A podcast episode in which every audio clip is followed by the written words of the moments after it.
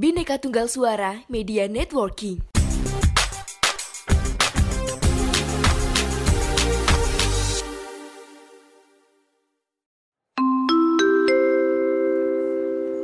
Mohon perhatian. Sekali lagi kami sampaikan, bikin podcast dengan Anchor dijamin gampang. Gak percaya? Langsung buktiin aja. Anchor, teman setia podcaster.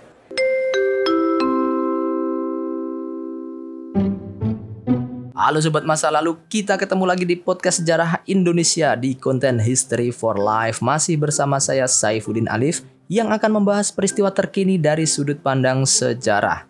Tapi saya nggak akan bahas soal Polri lagi ya, karena kalian juga udah bosen.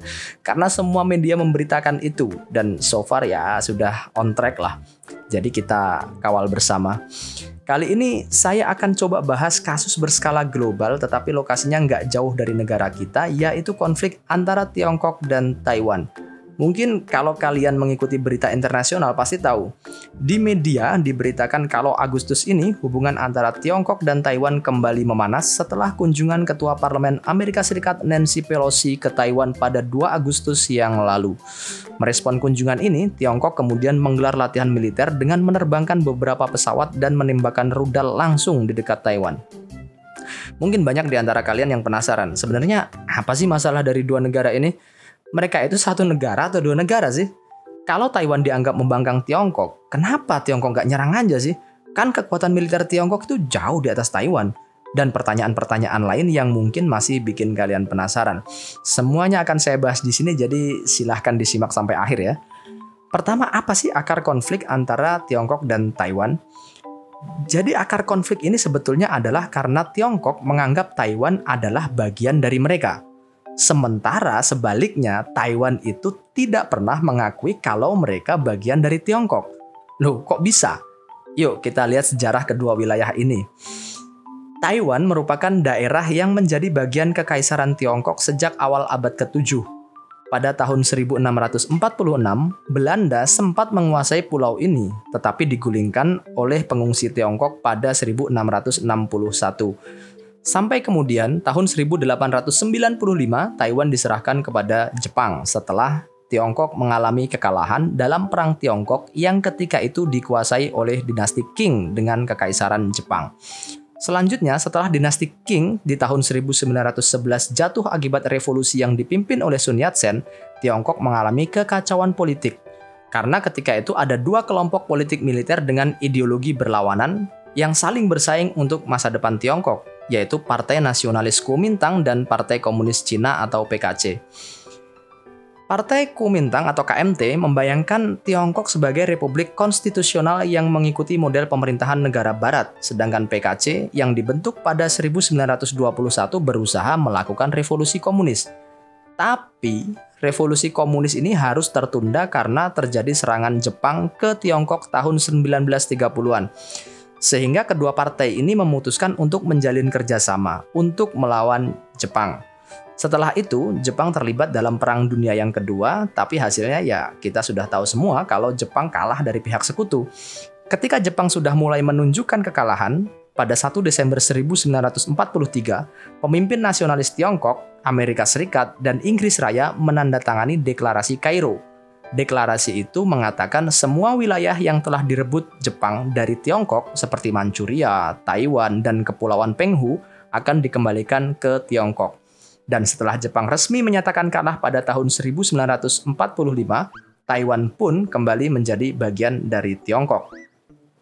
Setelah Jepang pergi, konflik lama antara Kuomintang dan PKC kembali memanas. Maka terjadilah perang sipil di Tiongkok. Amerika Serikat sebagai penentang utama komunisme lebih mendukung Kuomintang karena tidak ingin Tiongkok dikuasai oleh komunis. Amerika Serikat berusaha mendamaikan kedua kelompok ini tapi gagal. Perang terus terjadi dan di perang saudara ini PKC lah yang tampil sebagai pemenang dan mendeklarasikan pembentukan Republik Rakyat Cina atau RRC di Beijing pada 1 Oktober 1949. Kekalahan Kuomintang menyebabkan pimpinan partai yaitu Chiang Kai-shek mundur ke Taiwan dan mendeklarasikan Taipei sebagai ibu kota dari Republic of China pada Desember 1949. Deklarasi ini sekaligus usaha untuk memutus kontak dengan Tiongkok daratan yang dikuasai oleh PKC. Setahun kemudian, atau tahun 1950, Taiwan menjadi sekutu dari Amerika Serikat yang berperang melawan komunis Tiongkok di Korea. Amerika Serikat pun mengerahkan armada di Selat Taiwan untuk melindungi Taiwan dari kemungkinan serangan Tiongkok daratan. Selanjutnya bagaimana nasib kedua kawasan ini?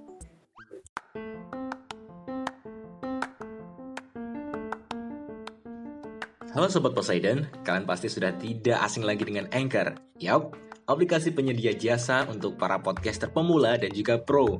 Buat kalian yang pengen mulai nge-podcast, langsung download aja Anchor di App Store ataupun di Play Store. Di sana, kalian bisa nge-podcast dengan banyak banget pilihan background musik. Setelah itu, kalian bisa mempromosikan podcast kalian ke mana pun. Secara otomatis, nanti akan di-sharekan oleh Anchor sendiri. So, tunggu apa lagi? Cus, nge-podcast bareng Anchor.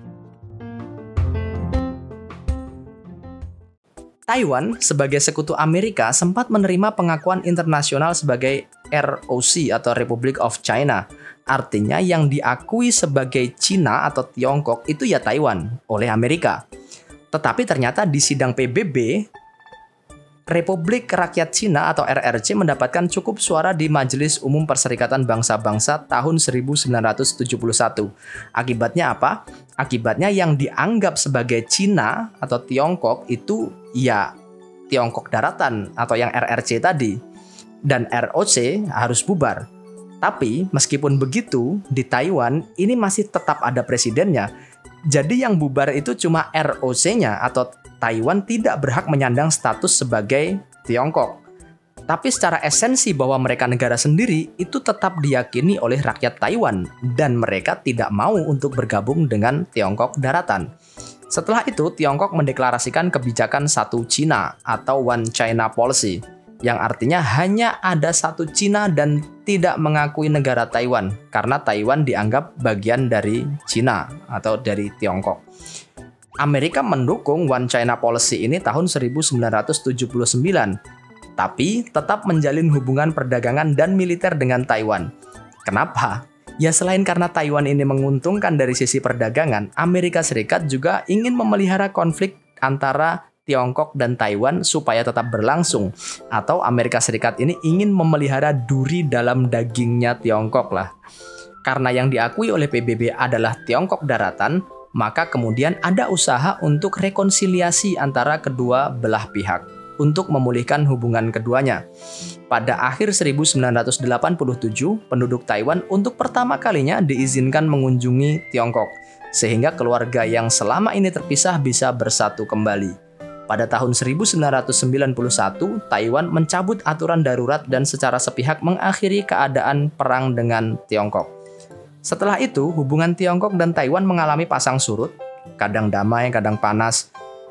Damainya ini ketika Taiwan tunduk kepada Tiongkok, meskipun mereka tidak mengakui bagian dari Tiongkok, dan akan panas ketika Taiwan membuat marah Tiongkok, khususnya kalau mereka menjalin komunikasi politik dengan Amerika Serikat. Seperti ketika tahun 1995, ketika Presiden Taiwan Lee Teng-hui berkunjung ke Amerika Serikat. Kemudian tahun 2017 kemarin ketika Amerika Serikat di bawah Donald Trump memperkuat hubungan politik dengan Taiwan dengan menjual senjata ke Taiwan senilai 1,3 miliar dolar. Dan yang terbaru ya kunjungan Ketua DPR Amerika Serikat tadi Nancy Pelosi ke Taiwan pada awal Agustus kemarin. Jadi hubungan kedua negara ini memang unik ya.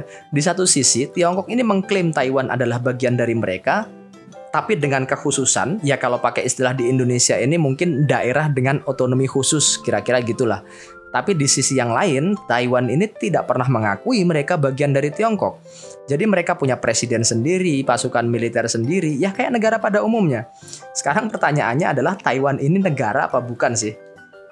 Ya saya harus menjawab dia adalah negara. Kenapa? Karena syarat terbentuknya negara itu kan ada empat. Satu punya wilayah, dua punya rakyat, tiga punya pemerintahan, empat pengakuan dari negara lain. Poin satu, dua, tiga Taiwan punya. Terus poin keempat, ternyata Taiwan juga punya. Karena tercatat ada 15 negara yang menjalin hubungan diplomatik dengan Taiwan. Meskipun itu negara-negara kecil ya, kayak Guatemala, Paraguay, Vatikan, Honduras, dan yang lain-lain. Terus Amerika gimana? Amerika Serikat ini main dua kaki. Dia tidak mengakui Taiwan sebagai negara, tapi jadi negara yang selalu pasang badan kalau Taiwan diganggu oleh Tiongkok. Amerika Serikat ini jadi negara yang memiliki hubungan sangat erat dengan Taiwan, tapi sifatnya non-diplomatis. Artinya nggak ada perwakilan Amerika di Taiwan, tapi soal hubungan, khususnya soal perdagangan, itu jalan terus. Bahkan Amerika Serikat ini punya undang-undang khusus untuk hubungan mereka dengan Taiwan, yaitu Taiwan Relation Act atau Undang-Undang Hubungan Taiwan. Gimana coba negara Amerika Serikat ini? Pertanyaan selanjutnya, kenapa Amerika Serikat begitu ngotot menjadi tameng dan menjalin hubungan dagang dengan Taiwan? Apa komoditas yang dimiliki oleh Taiwan? Mungkin bagi kalian yang belum tahu, ternyata Taiwan ini adalah produsen sekaligus pemasok chip semikonduktor terbesar di dunia. Data yang saya dapat tahun 2020, Taiwan ini menguasai 54% pasar chip semikonduktor dunia. Ranking 2 adalah Korea Selatan dengan jumlah 17%. Jadi jauh banget di bawah Taiwan apa sih chip semikonduktor ini? Ya gampangnya semua gadget yang kita punya, ya smartphone lah, iPad lah, laptop lah, atau yang lain, itu semuanya butuh chip untuk menyimpan data, menghitung data, mengirim sinyal jaringan, dan yang lain-lain. Jadi nyawa dari gadget kita hari ini itu ada di chip itu. Gampangnya gitulah. Dan gak cuma di gadget, chip ini bahkan juga ada di kendaraan bermotor dan mobil kita. Nah, Taiwan ini merupakan negara yang memiliki industri semikonduktor terlengkap dan terbaik di dunia. Bahkan Taiwan Semiconductor Manufacturing Company atau TSMC adalah produsen chip semikonduktor terbesar di dunia yang memasok chip ke seluruh perusahaan termasuk Apple dan juga Nvidia. Saking pentingnya chip ini, Amerika Serikat di era Trump kemarin bahkan melakukan perang dagang dengan Tiongkok karena terjadi krisis chip di Amerika gara-gara pandemi COVID-19 kemarin. Ya istilah populernya sih ada chip war lah kemarin itu. Jadi kebayangkan betapa pentingnya Taiwan untuk dunia industri hari ini yang semuanya serba teknologi. Ini baru faktor dagang. Dalam bidang politik, Taiwan ini ternyata banyak menyimpan arsip-arsip penting Tiongkok sejak masa kedinastian. Karena ketika Chiang Kai-shek mundur ke Taiwan, dia membawa arsip-arsip itu ke Taiwan. Nah, dari beberapa faktor ini tadi, sekarang cukup memberikan kita gambaran kenapa Tiongkok nggak berani menyerang Taiwan Bukan soal Tiongkok nggak bisa, tapi konsekuensinya terlalu besar. Biaya yang dibayar terlalu mahal kalau Tiongkok nekat menyerang Taiwan. Mulai dari krisis chip di Tiongkok, bahkan dunia, kemudian korban rakyat sipil pasti terjadi, dan Tiongkok harus siap berhadapan dengan militer Amerika Serikat kalau nekat menyerang Taiwan. Maka kalau kita mendengar berita di media yang dilakukan Tiongkok ya sekedar menggertak Taiwan saja, kayak pesawat militer Tiongkok diterbangkan di kawasan Taiwan atau peluncuran rudal ke laut Taiwan, ke lautnya aja nggak ke daratannya, atau patroli kapal perang Tiongkok di lautan Taiwan, ya gitu-gitu. Rasanya nggak mungkin Tiongkok ini akan menyerang Taiwan di tahun-tahun ini ya. Apalagi sekarang perekonomian Tiongkok itu sedang tumbuh-tumbuhnya dan bahkan menjadi raksasa perekonomian dunia. Tiongkok baru saja merasakan buah manis dari kapitalisme berkarakter Tiongkok yang diperjuangkan sejak masa Deng Xiaoping. Apa iya mereka mempertaruhkan kesejahteraan perekonomian mereka demi Taiwan? Kayaknya sih enggak ya. Oke, gitu aja ya. Maaf kalau agak panjang dan sampai jumpa di podcast-podcast yang lain. Saya Saifuddin Alif undur diri. See you.